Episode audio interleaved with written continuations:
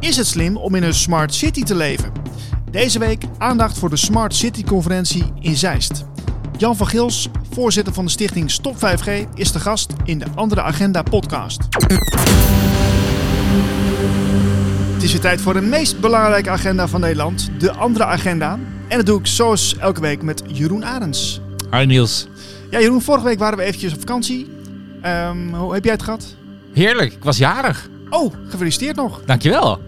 Ben je heel oud geworden of valt het mee? Nou, zeg, oud, jong. 40. 40, oh, mooie leeftijd. Ja, toch? Ja, ja, ja. Heel goed. Maar goed, eh, we, gaan, eh, we hebben een weekje overslagen, maar deze week zijn we er weer met een nieuwe agenda. Ja, er staat weer bomvol. eh, mooie lezingen, evenementen, boeken, filmtips. Uitgelicht en een baanbreker interview. Heel Ah. interessant. Lees hem zeker, pagina 9. Eh, we pik- pikken er weer drie uit. Ik begin met de boektip. Dat is deze week ander nieuws, wat het journaal niet uitzond, van Janneke Monshouwer. Ex-NOS-journaliste, nieuwslezeres moet ik zeggen. TV-maakster, schrijfster. Heeft al een paar boeken geschreven, maar dit is een eh, bijzondere. Zij heeft van binnenuit gezien wat er niet uitgezonden wordt. Hè? Hoe de nieuwszenders, de, de mainstream media, zoals we ze soms noemen, dingen wel weet of meekrijgt, maar bewust niet uitzendt. Ja, wat ik wel mooi vind, is dit is, eh, zij is natuurlijk ook van een andere generatie nog. Hè? Dat was al langer Ja. bezig dan wat wij nu net gezien hebben. Een echte baanbreker, Ja, zeker exact. weten. Ja, Ja. alright. Dus interessant eh, te bestellen via de link in de krant. En dan gaan we verder met het geldsysteem en nieuwe alternatieve investeringen. Want er is veel te doen om geld. Wij hebben zelf een actie betaalbewust contant. Heel belangrijk, want er is een beweging om contant geld eruit te werken. Maar heel veel mensen, anderhalf miljoen mensen, die, die betalen niet digitaal Nee. bijvoorbeeld. Hè? Dus eh, eh, hallo, dat is heel belangrijk. Ja, maar die actie loopt goed, hè? Ja, het loopt heel goed. Meer dan 2 miljoen be- be- betaalbewust contantstickers zijn er al in Nederland verspreid. En goed, deze lezing is in Wijgen, 24 februari.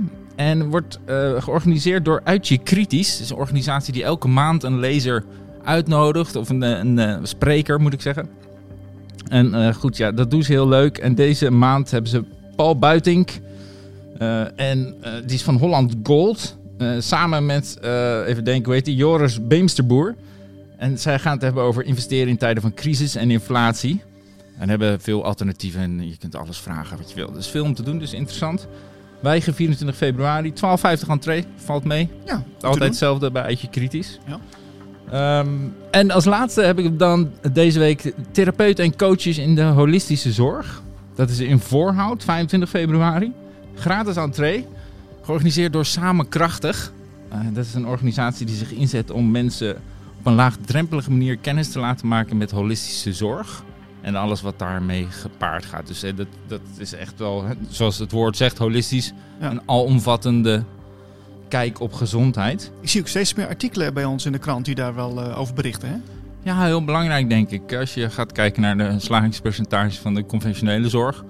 Dat is zo rond de 7%. Nou, dat is natuurlijk echt barlaag.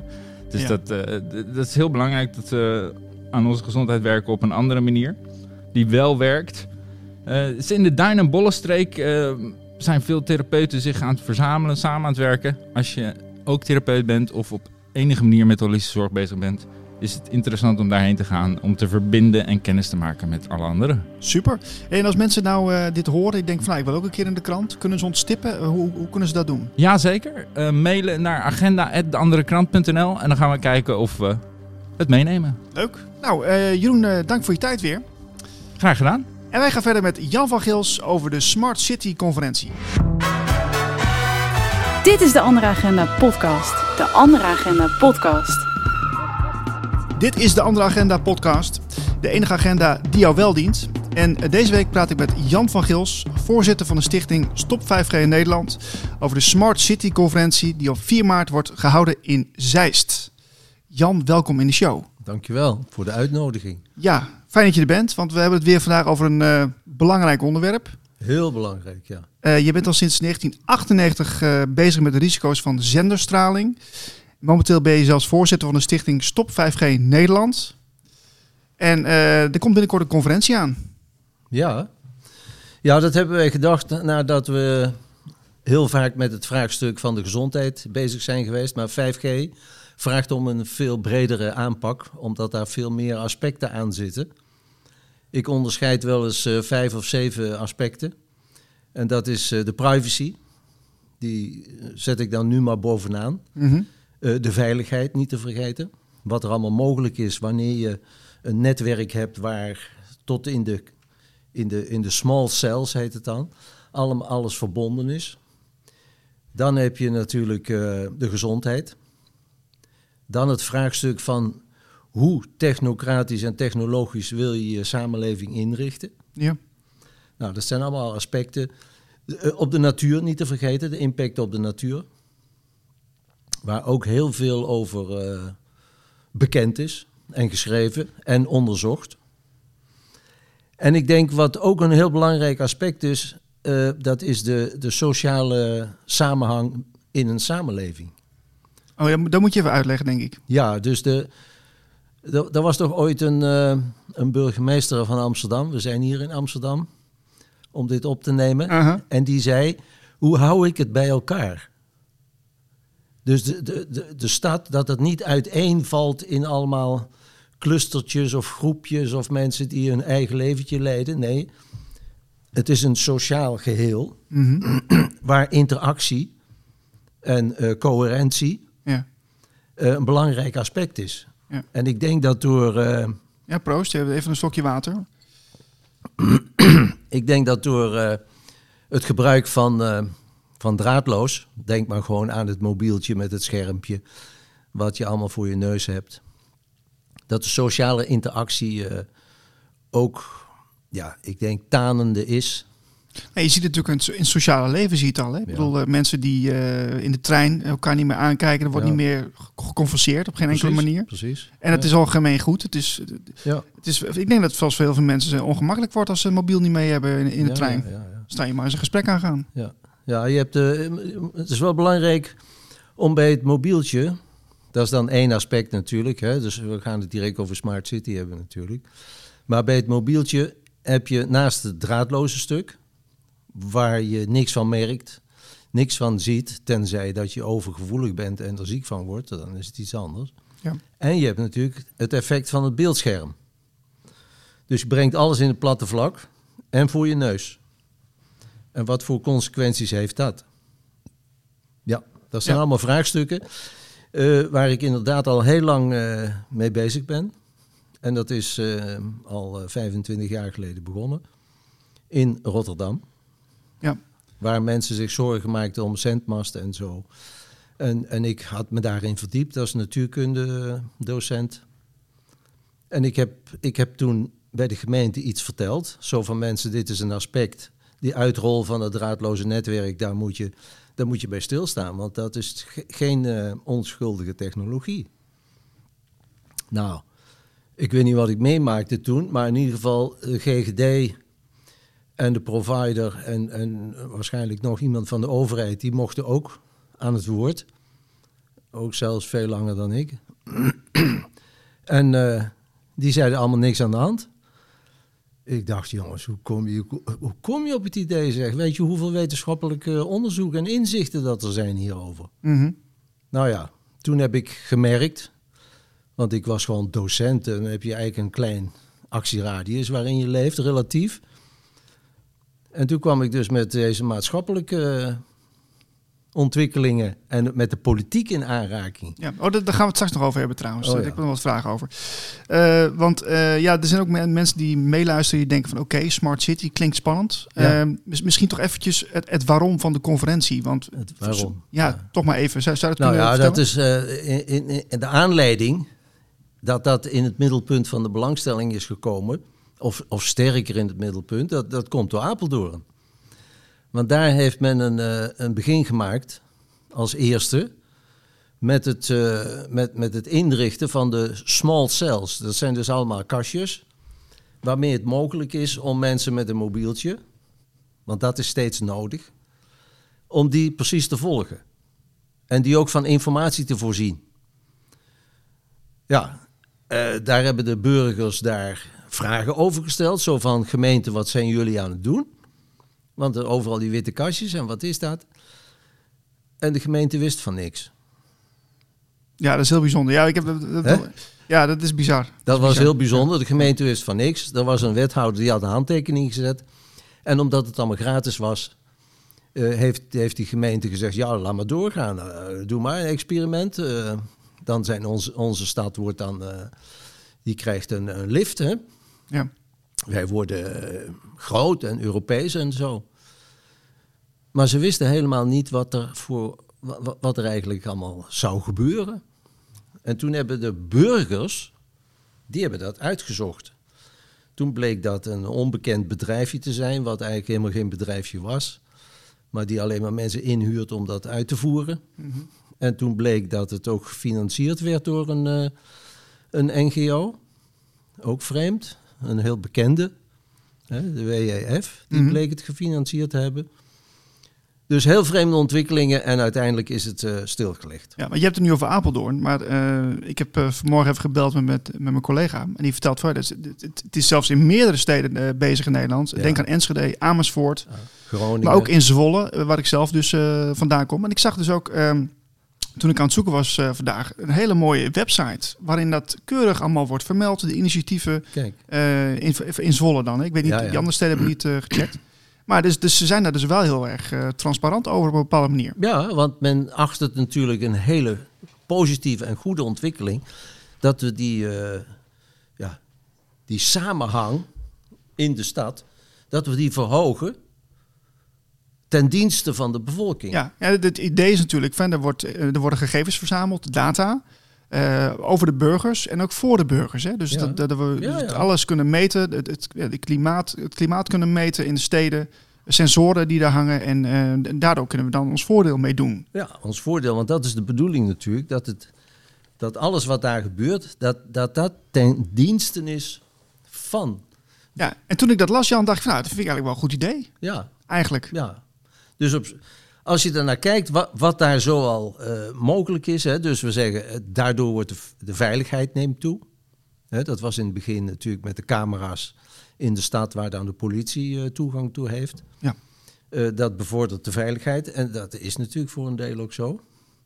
Het is heel gemakkelijk als je aan het verkeer denkt, dat je al weet waar de vrije plekken zijn om te parkeren, bijvoorbeeld. Mhm, ja. Eh, ni- niet te vergeten dat het ook toegepast wordt in de zorg. Ik was nog afgelopen week bij een instituut en daar eh, vroeg men zich af: ehm, zullen wij nu die mensen die luiers moeten dragen, dat we dat, die luiers doen met een zendertje erin? ja, ja. Het, nat- als, het, als het nat wordt, dan kunnen we dat... eh, Ja, dan nee, weten ja, ze ja. dat. En dan moeten ze ingrijpen als het te nat wordt. Hè? Met een beetje, een beetje vocht is geen probleem. Maar als het echt een bepaalde graad te boven gaat. Dus dat, er zit een sensor in die de vochtigheid meet. En die wordt via een draadloos netwerk naar de centrale gestuurd. En dan gaat er een piepje bij jou en zegt die, die medewerker of, of eh, een bewoner... Die moet, eh, Ja, verzorgd worden. die moet nu verzorgd worden. Ja. Weer een heel netwerk. En, en daar had ik dus gesprek met die, die directie en, en het bestuur en, en de medewerkers een aantal. En dat was zoiets van, ja mensen, maar je moet ook kijken, deze technologie, daar zitten ook haken en ogen aan. Hè? Daar zitten allerlei scherpe kantjes aan. Dus ga je dat wel doen? Hoe wordt erop gereageerd? Ja, ze hebben het heel positief eh, opgevat en zeggen, ja, wij gaan naar die gezondheidskant en de kant van de technocratisering, van het monitoren van mensen, want dat doe je daarmee. Eh, dat gaan we serieus overwegen. En eh, wat eruit gaat komen, ze wilden niet meteen zeggen, ja, dan zien we er vanaf. Nee, dat hoeft ook niet. Maar op zijn minst, en dat is ook de bedoeling van de Smart City conferentie, om mensen bewust te maken welke ontwikkelingen er momenteel gaande zijn in de samenleving. En in welke richting de inrichting van het dorp en de stad waar je woont, in welke richting dat gaat. En daar hebben we nu helemaal geen flauw idee van. Tot, tot heden was het natuurlijk gebruikelijk dat de gemeente, die legt de wegen aan en die zorgt voor lantaarnpalen en, en trottoir en, enzovoort. En af en toe hebben de mensen wel iets, mogen ze wel eh, zeggen. En dan eh, hoort de gemeente dat aan en dan doen ze misschien soms wat of niet. Ja. Maar de burgers zelf hebben een relatief heel weinig inspraak. Ja, want, want, eh, want jij organiseert het nu met jouw stichting. Dat doe je trouwens samen met een andere stichting, hè? Ja. Eh, ja, laat me iets over die stichtingen zeggen. ja. De Stop 5GNL is ontstaan eh, een jaar of vier geleden op initiatief van een aantal mensen die vonden dat de 5G-uitrol dat die niet zomaar blind mocht plaatsvinden. Dus dat ging om de veiling van die nieuwe frequenties die gebruikt werden voor de, eh, een nieuwe netwerk van 5G. Mhm. Uh, dat is aangekaart bij de overheid. Zo van overheid, je moet die veiling stilleggen en je moet je eerst verdiepen in wat, wat is 5G? Wat is er anders bij 5G? En ook bij 4G, daar waren al veel aanwijzingen dat daar ehm, serieuze klachten uit voorkomen uit het gebruik van het draadloze netwerk. Maar 5G is nog weer een andere technologie. Dus bijvoorbeeld eh, de bundel. Daar wordt een bundel direct op de gebruiker gericht. Als jij een, een website of een film kijkt, dan krijg je iedere keer een, een bulk aan informatie. Ja. En die slaat dus, je telefoontje slaat dat even op. Hè. Je hebt altijd zo'n... eh, hè, da- da- da- je ziet het ook aan dat balkje. Mhm. Je hebt dan meer informatie dan wat je aan het kijken bent. Ja. Maar dat gaat niet, er is niet een constante verbinding. Er is iedere keer een korte verbinding en dan krijg jij weer informatie en dan iemand anders en dan weer en weer. En dat is een fractie van seconde. En dat is een hele andere technologie en dan kun je eigenlijk niet goed meten eh, hoe groot die veldsterktes zijn en de datatransport, niet vergeten, waar jij in staat. Ja. En dat kan de overheid ook niet meten. Nou, en Zwitserland heeft bijvoorbeeld gezegd, zolang als je dat niet kunt meten, dan willen wij die uitrol eh, stilleggen. Mm. Is, is er überhaupt apparatuur voor dan? Eh, nou, er is geen protocol voor. Ah. En de apparatuur is ook maar de vraag, omdat de tijd dat die bundel op jou gericht is vrij kort is. Maar er staat tegenover dat de mogelijkerwijs de veldsterkte misschien wel 10 tot 100 keer zo hoog is. Ja. En dat heeft invloed op ons eh, als, als, eh, ja, als biologische lichamen natuurlijk. Eh, natuurlijk. En of jij een algemene rustige, in een, in een rustige veldsterkte bent, daar kun je makkelijk aan aanpassen. Maar iedere keer een prik, dat is natuurlijk vervelend. Hè? Iedere keer word je aangestoten als het ware, dan met je hele lichaam, want het gaat overal dwars doorheen. Niet helemaal dwars doorheen natuurlijk, je absorbeert ook een deel. Nou, en daar gaat het natuurlijk over. Maar, dat is Stop 5G, die is daar begonnen met die rechtszaak. En eh, dat is heel eh, eigenlijk vreemd verlopen. Want we gingen dus eh, tegen de overheid. En een kort geding. Nou, en die, die eerste rechter die heeft gekeken. Zit je bij de goede rechter? Ja. En nou, er werden nog vier punten bekeken. Daar kunnen we, ik weet we straks over hebben nog maar. Nou, en de conclusie van de rechter was... er zijn zoveel instituties in Europa en in Nederland die hiermee bezig zijn. Wij hebben geen reden om aan te nemen dat ze, dat, dat ze geen goed werk leveren. Hmm, Oké. Klaar. Ja. Want die gaat dus niet inhoudelijk kijken wat anderen allemaal zeggen. Nou, toen gingen we naar het hoger beroep. En dan moet de rechter het inhoudelijk beoordelen. ja, dus de, de, de, de, de, de andere onafhankelijke wetenschappers die ermee bezig zijn, die worden dan wel beoordeeld. Die worden dan beoordeeld. Nou, maar wat zei deze rechter? Je zit bij de verkeerde rechter. Je moet naar een andere toe. Ja. Nou, nou, dan is het de zaak eh, weg. Word je van het kastje naar de muur gestuurd? Ja, een beetje wel natuurlijk Ja, ja. eigenlijk. Hè. Maar goed, maar dit is wat Stop 5G. En die heeft toen gezegd, nou ja, met de overheid is het eh, een beetje moeilijk eh, communiceren. Niet een beetje, eigenlijk onmogelijk. En eh, wij gaan ons richten op gemeentes. Ja. En daar is uit voortgekomen, mede door onze aanzet daartoe, alleen maar de aanzet. Want de mensen in Zeist, die hebben dit heel actief opgepakt. En die zijn dus naar de gemeente gegaan en gezegd: gemeente, wij willen dit onderwerp van de draadloze netwerken binnenshuis en in de publieke ruimte, dat willen wij besproken hebben. Wij willen graag een bijeenkomst op het gemeentehuis, waar de raadsleden komen, waar eh, de GGD ook welkom is Ja. en zo. En Stop 5G zal ook een eh, presentatie geven. Nou, en dat is zo goed gevallen dat de raadsleden gezegd hebben: ja, hier moeten we toch echt eh, langer bij stilstaan. Zo, dat is wel eigenlijk van een doorbraak dit, hè? Dus een doorbraak, want daaruit is voortgekomen dat die groep in Zeist, die hebben toen een aanvraag gedaan bij de gemeente om een echt project te beginnen, gefinancierd, gesubsidieerd door de gemeente. En ik zou zeggen, Zeist is een voorbeeld voor andere gemeentes. En dan zou ik in eerste instantie denken aan eh, de kleine en de middelgrote gemeentes. Mhm. Maar daar is het meeste kans om eh, in dat ingewikkelde politieke apparaat, circuit eh, binnen te komen. Dan ben ik even benieuwd, hè, Jan. Hoe kan het nou dan dat het in Zeist dat daar, daar wel serieus genomen wordt en in andere plekken heel erg laconiek op gereageerd? Ja, dat, ik denk dat dat vooral samenhangt met het doorzettingsvermogen van de bewoners. Die dus eh, ja, On- onverzettelijk waren. onverzettelijk en alsmaar aan de bel bleven trekken. En zeiden wij willen een bijeenkomst. En niet één, maar nog één. En wij willen raadsleden spreken. En wij willen dat het in de raad echt op tafel komt. En wij willen zien dat jullie er werk van maken. En als jullie het niet doen, mogen wij het dan doen. En daarvan is gezegd, oké. En wat ze onder andere doen, dat is dat ze de stralingsverdeling in het dorp... Nou ja, dorp Zeist is niet een klein dorpje. Dat ze dat in kaart brengen met een apparaat die ook in andere steden wereldwijd gebruikt wordt, zodat je het kunt vergelijken. Nou, en daar zijn ze dus, dus ze hebben informatiebijeenkomsten gedaan in de verschillende wijken.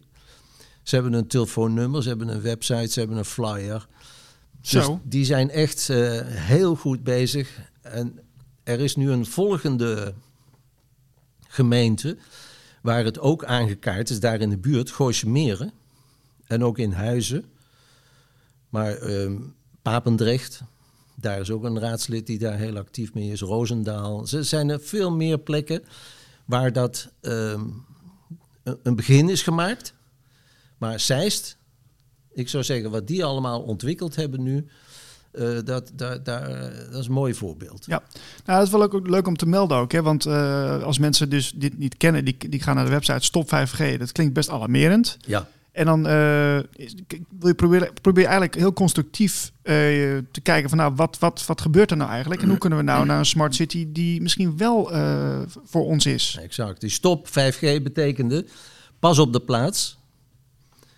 Eerst bezinnen voordat we dit verder uitrollen. Want 5G, dat impliceert heel veel namelijk. Dat impliceert bijvoorbeeld ook satellieten. Waar Nederland dan weinig tot niks over te zeggen heeft. Maar dat is groter. Dus nog grotere netwerken. Maar ook kleinere. Dus je hebt de, de gewone eh, ze- zendmasten die we allemaal kennen. Maar dan heb je het ook dat we alle wifi in huizen, maar ook op straat, dat, dat, dat die samen ook een netwerk gaan vormen. En dan heb je ook nog de picocellen. Nou, dat is nog verder in het verschiet. Dat zijn nog kleinere eenheden waar je koelkasten en eh, vaatwassers ook allemaal met dat internet van de dingen, zoals het heet. Ja, ja, ja. ja. Het internet van dingen gaat verbinden. En ik denk dat dat bij de, bij de Smart City hoort, jammer genoeg. Want je kunt Smart City, kijk, je kunt ook zeggen Smart City. Nou, stel dat je van niks weet. Dan denk je Smart City, jongens, dat, dat wordt dus een, een stad. Dus waar een stad, dus, hè, waar veel mensen bij elkaar zijn. Die dus heel intelligent en betrokken met elkaar omgaan. Dat kun je ook smart noemen. Mm, zeker. Maar dat betekent het meestal niet. Het betekent meestal smart dat er veel technologie in die steden. Ja, dan wil ik even naar de volgende vraag. Want ik heb ook even het programma bekeken van jullie. eh, wat jullie hebben op eh, 4 maart. En daar staat er ook in ehm, eh, een van de lezingen. Daar staat het volgende centraal. In wat voor smart city willen we leven? Beloften en bedreigingen van de gedigitaliseerde stad. Ja. En dan denk ik van oké, maar hij is er nog niet. Eh, waarom gaan jullie er dan vanuit dat het er wel komt? Nee, nee, dat, die vraag, die, eh, daar staan een vraagteken achter. Dus het is meer een bezinnende vraag van in, in wat voor een stad zou je willen leven? Ah, zo, oké. Dus Ja. zo is die eigenlijk gedacht. Ja. En niet zozeer dat wij ervan uitgaan dat die per definitie komt. En, en als, kijk, de technocratisering, die, eh, die gaat voort. Dat zien Die kan we. het mogelijk maken sowieso. Ja, het is, ik bedoel, het is niet uitgesloten. er worden pogingen gedaan. Ja. Maar het is eh, ook heel jammer dat die pogingen, die, eh, en daar is Apeldoorn een mooi voorbeeld van, dat die pogingen langs ondemocratische wegen verlopen. Kijk, als de bevolking betrokken zou worden en geïnformeerd over de voordelen die het zou kunnen opleveren, maar ook de nadelen. Mhm. Want er is toch niks wat alleen maar voordelen heeft. Nee, nee, dat is waar. Nou, ik, ik, ik zei net al eventjes. Ik, ik kwam ook een eh, document tegen ehm, van Smart City G40, waarin al die steden daarin in staan. Ja. In de opdracht van het ministerie van Infrastructuur en Waterstaat. Ehm, worden burgers hier voldoende over geïnformeerd volgens jou? Want ik zie dan wel op de site van Zwolle zie ik dan wel heel veel informatie staan. Ja. Maar hoe is dat in andere steden? Nou ja, kijk, je kunt, je kunt gewoon zien, worden burgers geïnformeerd?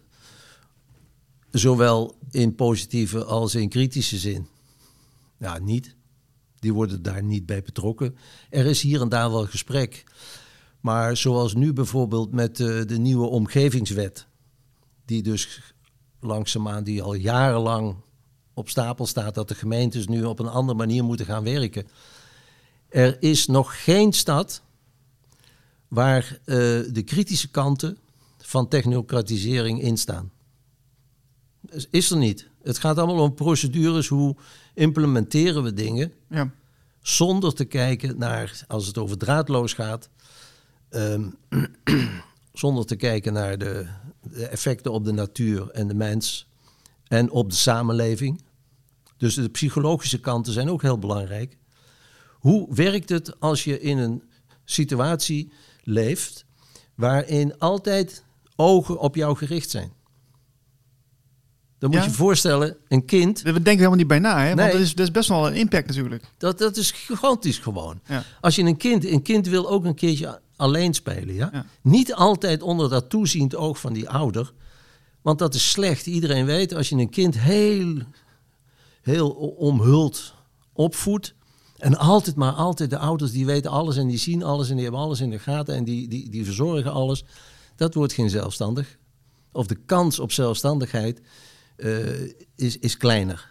Kinderen moeten ook gewoon vrij kunnen spelen. En los van de ouders ook. Ik zeg niet eh, dat we kinderen los van ouders, hè, denk erom. Nee, dat snap ik. Ja. Ik zeg Ja. alleen dat we die dingen moeten doen waarbij de zelfstandigheid van een kind. en als je dat in het groot ziet, gaat het om de zelfstandigheid en het zelfbewustzijn van een samenleving, van de afzonderlijke mensen. Dat je dat bevordert. Ja. Ik wil eventjes eh, terug naar de, waar we net eh, waren met de, de, de- hoe burgers worden geïnformeerd. Want dan denk ik van oké, als de burgers niet goed worden geïnformeerd, eh, eh, hoe, hoe, hoe ver weten politici dan eh, van wat ze eigenlijk aan het uitvoeren zijn? Dus de mensen die, eh, de raadsleden bijvoorbeeld. Eh, want ik, ik, ja, ik, ik was eigenlijk een beetje geschokt laatst dat ik hoorde dat de burgers in Apeldoorn beter wisten wat er aan de hand was dan de raadsleden zelf. Ja, ja zo, En- zo gaat dat. Ja, En eh, dat is ernstig, want ehm, ik hoorde pas van i- iemand in een, in een stadje. Die klopte dus ook bij de gemeente aan. En toen zei de gemeente: Denken jullie het beter te weten dan het RIVM? Ja. ja je moet eigenlijk ja zeggen. dat is het probleem. dat is ook bizar. Hè? Weten jullie het beter dan het RIVM? Ja, eigenlijk wel, ja. Ja. Ja, maar dat is een kwalijke zaak, want iedereen vertrouwt op die instituties. Dat is pijnlijk vooral. Ja, en dat is voor raadsleden die daar helemaal van uitgaan.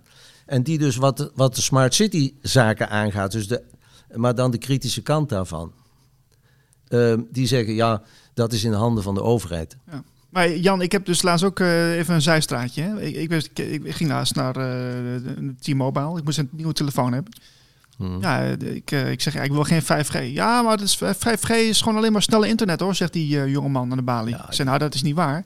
Hij ging er gelijk over hè, met een heel eh, betoog over snelle internet. Ik zeg, ja, maar dat is het niet alleen. Maar het lijkt wel of ze het niet willen horen, hè? Nee, maar ze, eh, de, de, mensen, de meeste mensen die, die dit aspect niet kennen, ja, dat ontgaat hun volledig. En ja, je komt dat natuurlijk heel vaak tegen. Het feit dat ik er nu 25 jaar eh, met, met, met, met tussenpozen nog en soms intensief en soms minder mee bezig ben. Dat, dat laat dat een beetje zien. Hè? Dat ik af en toe dacht, jongens, waar, waar, waar hou ik me mee bezig? Ja. De bevolking interesseert het zo weinig. Al- al- Als jij te horen krijgt, zeg, als je dit drinkt, dan eh er zit gif in. ja. Nou, proost. Er zit gif in en eh, ik zou het niet drinken. Of in ieder geval dat je daar heel selectief of zelfs op een eh, op bepaalde frisdranken staat dat je niet meer dan zoveel moet drinken. Ja. Ja. Ja, die kun je dus beter. Oh, dat mag je niet. Maar ik heb geen namen genoemd, maar die kun je dan beter niet drinken. Ja. Hè? En aan het gebruik van een mobieltje, dat is een risicovolle technologie. Dan heb ik het nou heel bescheiden gezegd. Dan moet je wel de risico's kennen. En dan moet ik toch maar een voorbeeldje geven van, ehm, van het gebruik van een mobieltje. Er zou een boek moeten verschijnen. Hoe ga ik om met mijn mobieltje? Waarom? Nou, omdat men geen flauw benul, de meeste mensen geen benul van hebben, wat ze in hun handen hebben. Want de zender die daarin zit en de, en de, en de, de zenders die je ontvangt, die proef je niet, die zie je niet, die ruik je niet, maar je bent er wel aan blootgesteld. Dus wat heeft Frankrijk gedaan? Niet dat Frankrijk zo heel bijzonder is, maar toch in een aantal opzichten eh, hebben ze daar veel aandacht gegeven aan preventie. Vooral het onderwijs, begreep ik, hè? Ja, in het onderwijs. Dus men heeft gezien, het gebruik van mobielen in het onderwijs is niet bevorderlijk voor de sociale interactie. Eén. Twee. Het leven in, in draadloze netwerken is ongezond. Dat bevordert de gezondheid niet. Je wordt niet direct helemaal ziek, maar het bevordert de gezondheid niet. Dus men heeft gezegd, wij doen op scholen geen wifi meer. En, er stond bij, voor volwassenen, is ook aanwijzingen. Hoe ga je nou bellen? Nou, als je gaat bellen en je kiest een nummer, moet je dat ding niet meteen aan je oor doen. Het is sowieso al beter om, om met de luidsprekerstand te, te werken.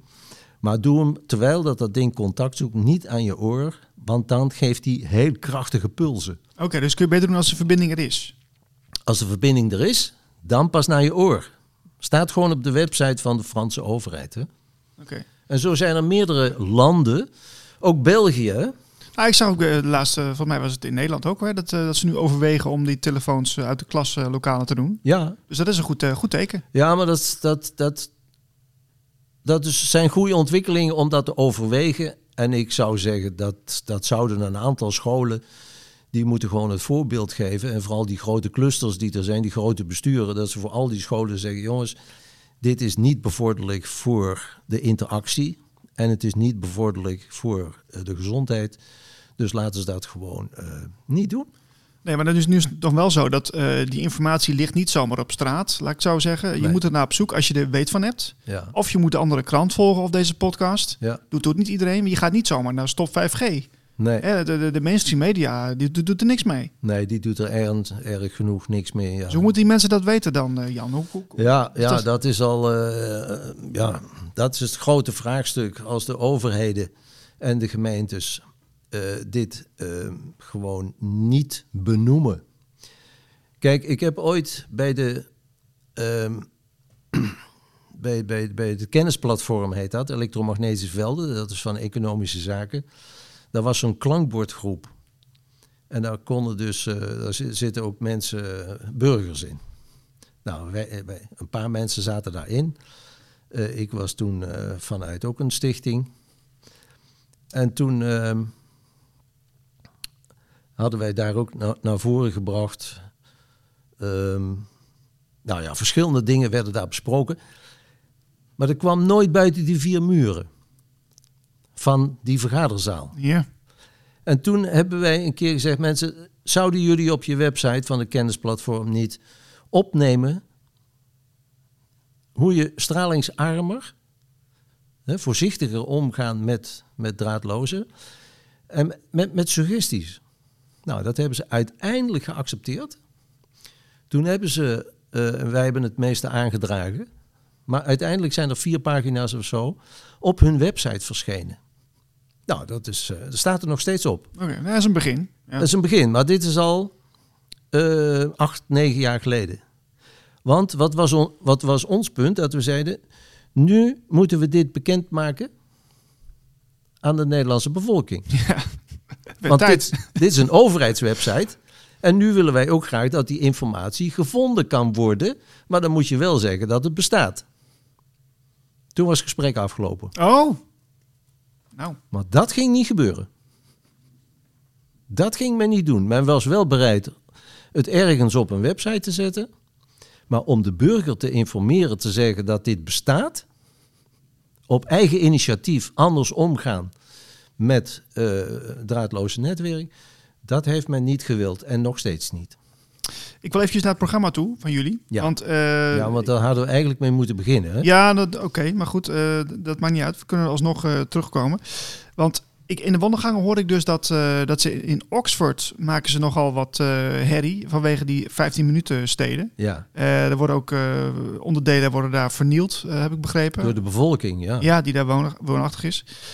Wordt het ook meegenomen in de conferentie, de 15 minuten steden? Ehm, nou, de sprekers. we hebben dus Marijntje Smits. Die is onder andere techniekfilosoof. Ehm, die gaat hier een voordracht over houden van wat is 5G? Hoe wordt daar momenteel naar gekeken? Welke ontwikkelingen zijn er? Dat is één kant. En de tweede spreker is Carlo Fiscalini. Die is raadslid in Zeist. die zit dus heel dicht bij, eh, bij, bij, bij de acties die daar plaatsgevonden hebben. En hij gaat spreken over hoe kan de bevolking zich laten horen. Ja, In de vorm van, ja, ja jammer genoeg, het is meestal eh, in de vorm van actie. ja, Want ja, als je als burger gewoon een vraag stelt, dan eh, krijg je misschien een schouderklapje eh, klopje dat, je, dat het fijn is dat jij je zorgen maakt. Maar meestal krijg je als antwoord, je hoeft je geen zorgen te nee, maken. maar en, en je wordt natuurlijk geframed. Hè? Dat, dat is tegenwoordig, als je overal een vraag bij stelt, dan ben je natuurlijk een, nou ja, we weten hoe dat geframed wordt. Ja, dat, dat risico loop je ook. Maar meestal krijg je als eerste een antwoord van ehm, fijn dat u, een, eh, dat u betrokken bent bij de samenleving. maar alles is in goede handen. En alles is veilig. Er zijn zoveel organisaties bij betrokken. Dus eh, maakt u zich vooral geen zorgen. Slaap zacht. Ja, ja. En er zijn, Ja, dat zeggen ze niet bij. nee, dat maar, snap ik. En er zijn, er zijn, je hebt nog eh, volgens mij werkgroepen of zo. Wat, je gaat uiteen. Ja, ja, we hebben dus naast eh, deze twee lezingen van, van wat is de stand van zaken en wat kun je doen als, als burgers, als burgerplatform en, en burgerinitiatief, hebben we ehm, werkgroepen waar een aantal mensen, bijvoorbeeld, ik zal er eentje noemen, ehm, er zijn meetgroepen. En die gaan dus in de stad meten. Dat is in Zeist dus ook begonnen. Men heeft gemeten en heeft ontdekt in bepaalde wijken is het gewoon 4, 5, 6, 10 keer zoveel aan veldsterkte dan op andere plekken. Zo. En dan zeg je bij de gemeente, moet je kijken hier. Hier is die veldsterkte zo hoog. Kijk, dat is nog steeds niet... Voor, voor de overheid is dat nog steeds relatief laag. Want die hebben een, een maatstaf die is zo hoog. Is gewoon, eh, die, die nemen dus alle wetenschappelijk onderzoek wat er bestaat, wordt genegeerd. Ja, ja maar het, het, het, het ICNIRP, het Europese verhaal, dat wordt omarmd. Hè? Het ICNIRP, dat is een private organisatie. Die is in 1992 in het leven geroepen. Die zit in het kantoor waar ook de radioactieve voorstellen gedaan worden. Nou, daarvan weten we dat is slecht. Nou, die ICNIRP, hoe is die daar nou terechtgekomen? Daar zit de WHO achter. De World Health Organization. Daar zat meneer Rapaccioli en die heeft ervoor gezorgd dat er een nieuwe club kwam, een private club, die zichzelf in stand houdt. Nou, daar komen dus alleen maar mensen in die min of meer hetzelfde denken. Namelijk dat er maar één fenomeen is wat door draadloos, door zenderstraling kan optreden. En dat is warmte. Iets anders kan niet gebeuren. Oké. Dat is gewoon per definitie vastgesteld. Dus al die tienduizenden onderzoeken die iets anders laten zien en die in tijden van voor 75 als radaronderzoeken gedaan zijn, die zijn allemaal. De, ik, ik geef het toch een mooi voorbeeldje. Dat, dat, dat laat het helemaal zien. Ja, graag. Onze gezondheidsraad, en wereldwijd andere gezondheidsraden ook, die schrijven over radar. Dat radar boep, boep, boep, boep, boep, 15, 20 ontregelingen bij de mens teweeg brengt en neigt naar, op den duur naar kanker. Ja, dat zijn gewoon een rapport van Nederlands Gezondheidsraad. Uit 72 of 75. Toen al. Ja, toen was dat rapport er al. Ik heb dat rapport, dat dat bestond, gelezen in een artikel. Dus ik heb de contact gemaakt met de Gezondheidsraad en gevraagd: mag ik dat, dat hele rapport van u ontvangen? Ja. Stil. Ja, dat ligt in de kelder. Yeah, right. Ik zei: Nou ja, kunt u het dan voor mij opzoeken en een kopietje maken? Toch? Kleine moeite. Hè, dat, dat, dat is een faciliterende organisatie, dus dat, dat, dat is geen vreemde vraag. Een week later was het al boven tafel, dan had hij toch een kopietje. En heb ik ook gekregen. Oh, Nou ja, dat heb ik gelezen en daar staat dus eh, precies wat, wat, wat ik net zeg, 20, 30 ontregelingen die door radar. En radar, dat is, het, dat is gewoon onze mobiele, zelfde frequentie, hè? zit in hetzelfde gebied. Nou ja, er is één zin opgenomen op de website van de Gezondheidsraad over dit rapport uit 75. En daar staat, dat rapport van 98 dus, en dat jaar waar ik begon dan, mhm. daar staat, dit rapport sluit aan op het rapport van 1975. Zonder link. nou lekker dan. Als je nou iets smart wil doen en als je de techniek goed wil gebruiken, dan had je daar een link van gemaakt en dat iedereen dat rapport kan inkijken. Nou, misschien dat ze dat nu gaan doen als ze dit nog eens horen. Want ik heb dus ook eens een keer meegemaakt, ik moet het toch even zeggen, de Gezondheidsraad, net zoals de WHO en deze private organisaties, eh, dat zijn de sturende krachten in dit hele beleid van er is alleen maar warmte en iets anders kan niet. Ja. Er zijn tijden geweest, en dat bedoel ik zo rond 2000, als er dan bij een gemeente een inspraakmoment was, dan kwam de gezondheidsraad zelf om te verdedigen dat er niks aan de hand was en alles veilig was. En toen hadden we ook een keer een radio-uitzending. En daarin was dus verschillende mensen aan het woord. En toen zat ik in een, in, een, in een studio in Rotterdam, want we zaten allemaal in verschillende studio's. En toen heb ik dus aan de gezondheidsraad gevraagd: sinds wanneer is het uw taak om eh, gemeentes voor te lichten? Volgens mij is de taak van de gezondheidsraad om de, de, de Kamer en de regering van informatie te voorzien. En wat zeiden ze toen? Moesten ze even kuchen en de maar sinds die tijd heb ik ze nooit meer gezien. Oké. We gaan even een stapje maken, Jan. Want eh, in Saudi-Arabië zijn ze bezig met een gigantisch project. En dat zijn ze gestart op eh, 10 januari 2021. Want de Saoedische kroonprins Mohammed bin Salman is bezig met The Line. Ken je dat? Ja, ja, ja. Ik vond het, wel, ja, ik vond het eigenlijk wel fascinerend. Een gigantisch grote stad. ja. En ehm, ja, een soort futuristische megastad, Neom. En ehm, zijn boodschap aan de lokale bevolking luidde een Ja. toekomst voor het land te willen opbouwen, onafhankelijk van olie, wetende dat hun olieproductie ooit zal stoppen. ja. En we gaan het eventjes laten zien, want het is op YouTube, hebben we een kort filmpje. Daar gaan, we, Oké. gaan we even naar kijken. ja. For too long, humanity has existed within dysfunctional and polluted cities that ignore nature. Now, a revolution in civilization is taking place. Imagine a traditional city and consolidating its footprint, designing to protect and enhance nature. The line will be home to 9 million residents and will be built with a footprint of just 34 square kilometers and we are designing it to provide a healthier, more sustainable quality of life. The line's communities are organized in three dimensions.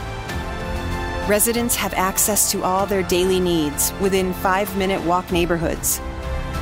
And the line's infrastructure makes it possible to travel end to end in 20 minutes with no need for cars, resulting in zero carbon emissions. By leveraging AI technology, services are autonomous, saving you time and effort. Designed by world leading architects, The line is 500 meters tall, 200 meters wide, 170 kilometers long, and housed within an elegant mirror glass facade. Intelligent solutions create efficiency and year round temperate microclimate with natural ventilation. Energy and water supplies are 100% renewable. The line is designed as a series of unique communities, offering a wealth of amenities, providing equitable views and immediate access to the surrounding nature. With 40% of the world accessible within six hours, at the heart of the globe's key trade routes, a place for commerce and communities to thrive like nothing on earth seen before.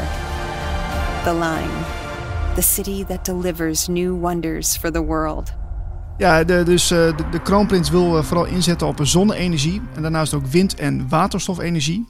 En eh, deel van het project is toeristen en investeerders naar Saudi-Arabië te lokken. Ja. Dit is natuurlijk best wel next level dit. Hè? Als je dit zo ziet, het is een gigantisch grote stad ehm, voor 500 miljard. Heb jij enig idee hoe dat ja, wie, dat, wie dit financiert voor Nederland, de, de, die smart cities? Heb je er enig inzicht in? Nou, die eerste aanzet daartoe is vanuit het World Economic Forum eh, gefinancierd. En weet je wat voor bedragen daarin omgaan? Heb je er Ja, ik dacht dat voor Apeldoorn 16 miljoen was uitgetrokken. alleen voor Apeldoorn? Ja, ja. En zo zijn er in Europa dus allemaal steden als pilot uitgekozen om, om, om, te, om die eerste implementatie eh, mogelijk te maken en dan te kijken hoe dat valt en, en zo. Hè. Maar natuurlijk later, dan gaat dat niet meer eh, gratis. Hè. Nee. Hoe wordt het, eh, hoe wordt het eigenlijk eh, aangeprezen, die smart cities? Wat, hoe, hoe wordt het verteld? Nou, als je die rapporten leest, dan gaat het natuurlijk vooral dat jij nooit meer te laat op je afspraak komt.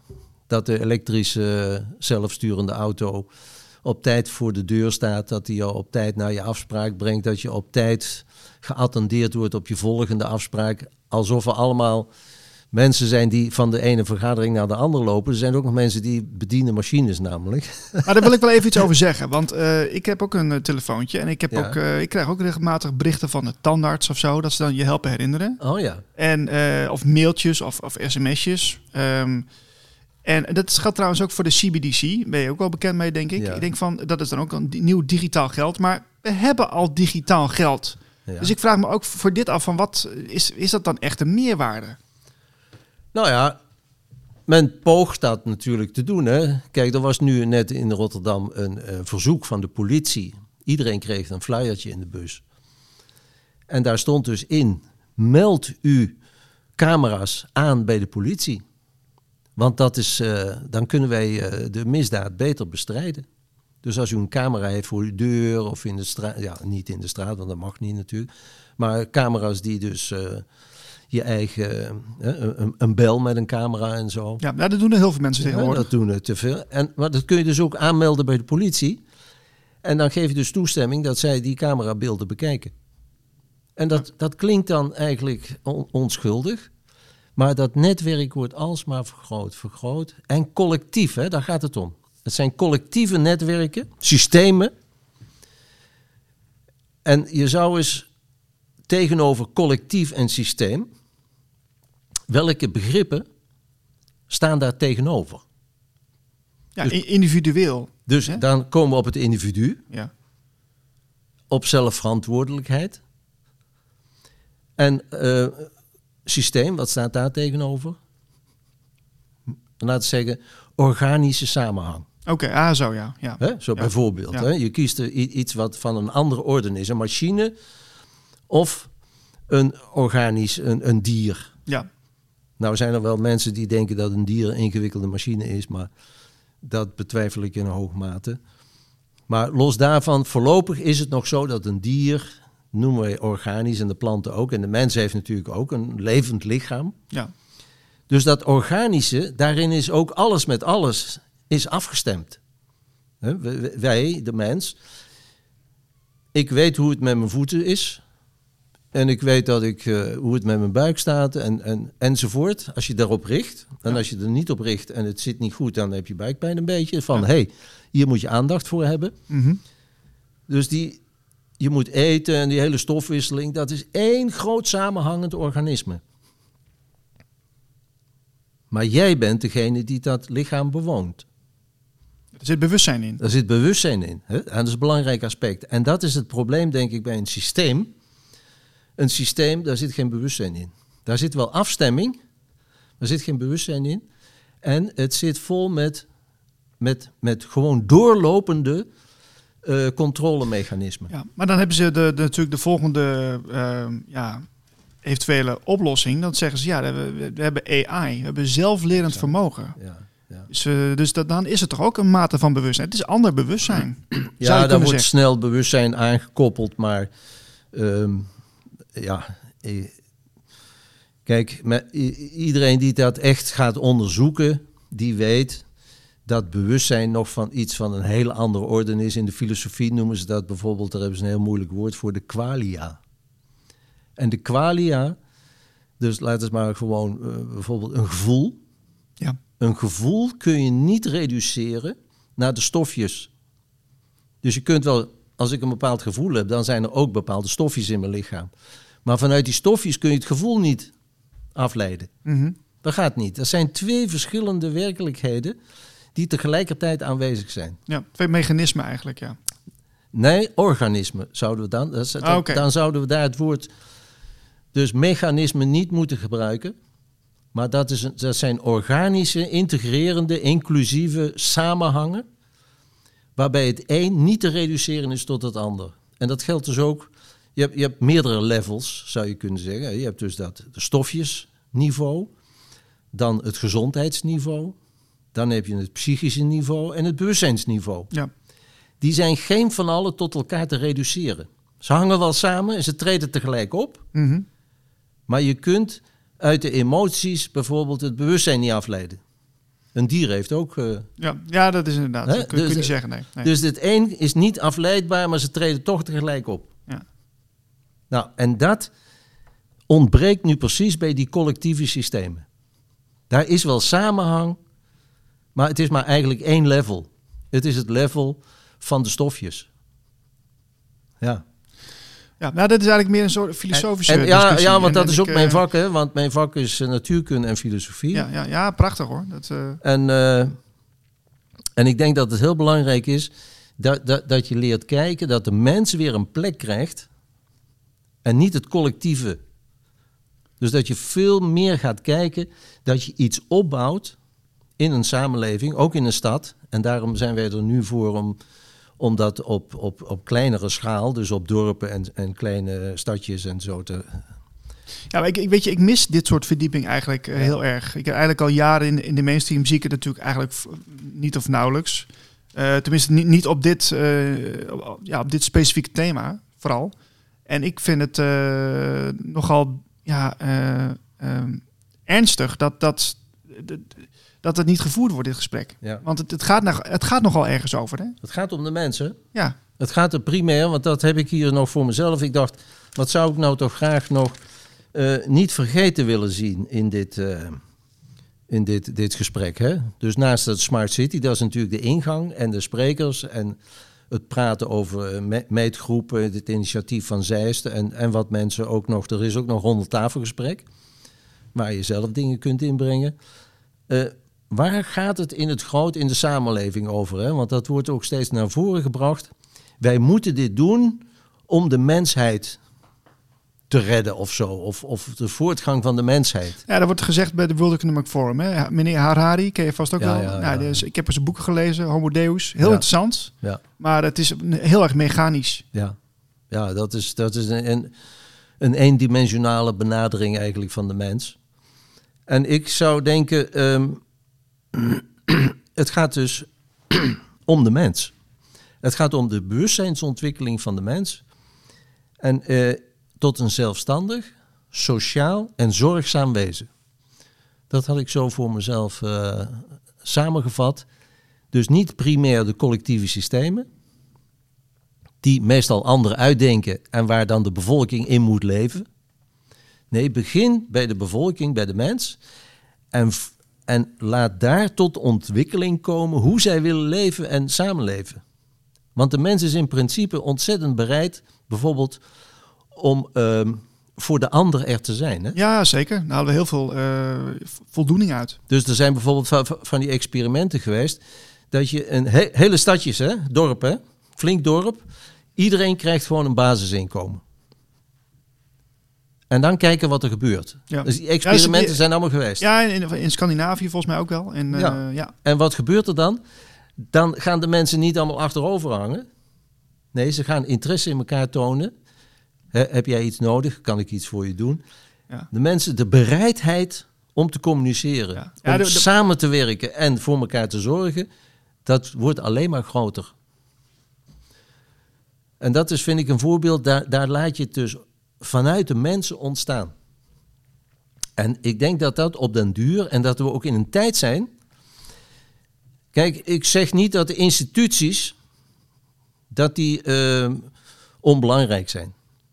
Die waren misschien een honderd jaar geleden of een paar honderd jaar geleden, waren ze extra belangrijk. De instituties zorgden voor de ontwikkeling van de mens. Maar dat we nu in een tijd gekomen zijn waarin de ontwikkeling van de samenleving van de mensen uit moet gaan in plaats van uit, de, uit moet gaan van de Ja, instituties. nee, ben ik met je eens. Maar dan heb ik wel even een. eh, ja, ik zet altijd even een vraagteken, want ik zie ook de massa.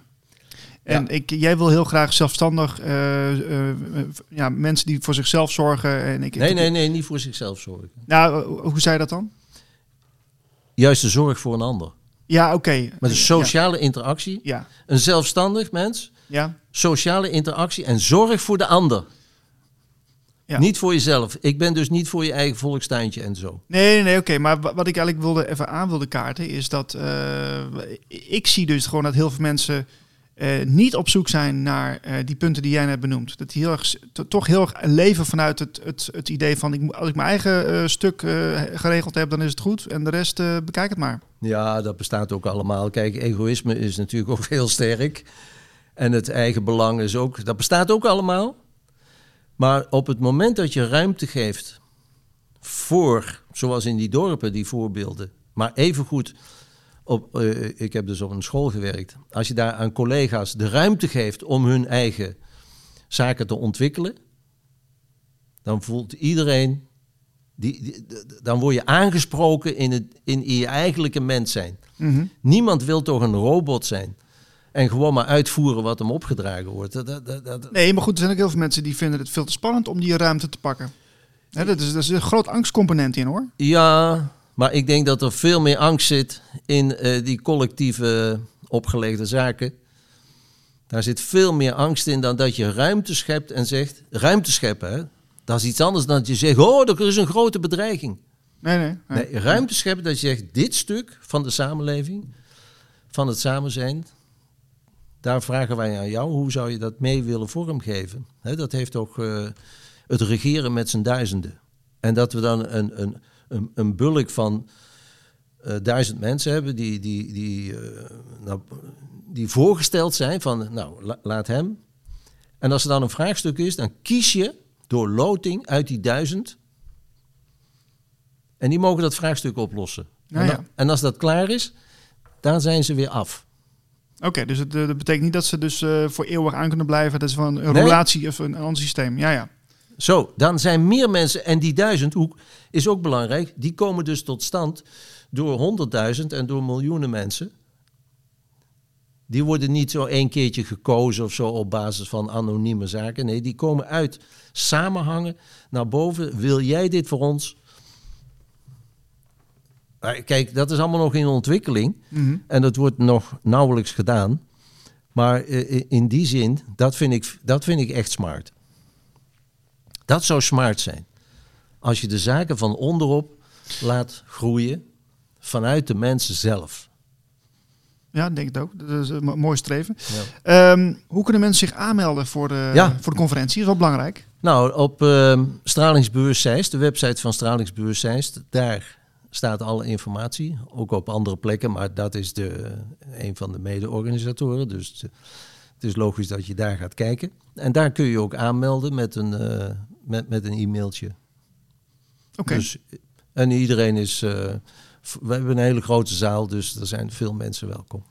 Leuk. Ik, eh, ja, ik, ik kijk ernaar uit. Er staat deze week in de andere agenda Smart City conferentie. Ja. Jan, dank voor je tijd. Dankjewel. De andere agenda podcast. We gaan het zelf doen. We gaan het lekker zelf doen. Volgende week zijn we weer met een nieuwe editie van de Andere Agenda podcast. En wil je nou ook in de krant met aandacht voor jouw workshop, lezing of initiatief? Meld je dan aan via agenda.deanderekrant.nl en volg ons ook op Twitter, Instagram en Facebook. Tot volgende week. Wil je meer van de andere krant? Kijk op anderekrant.nl. Kijk op deanderekrant.nl.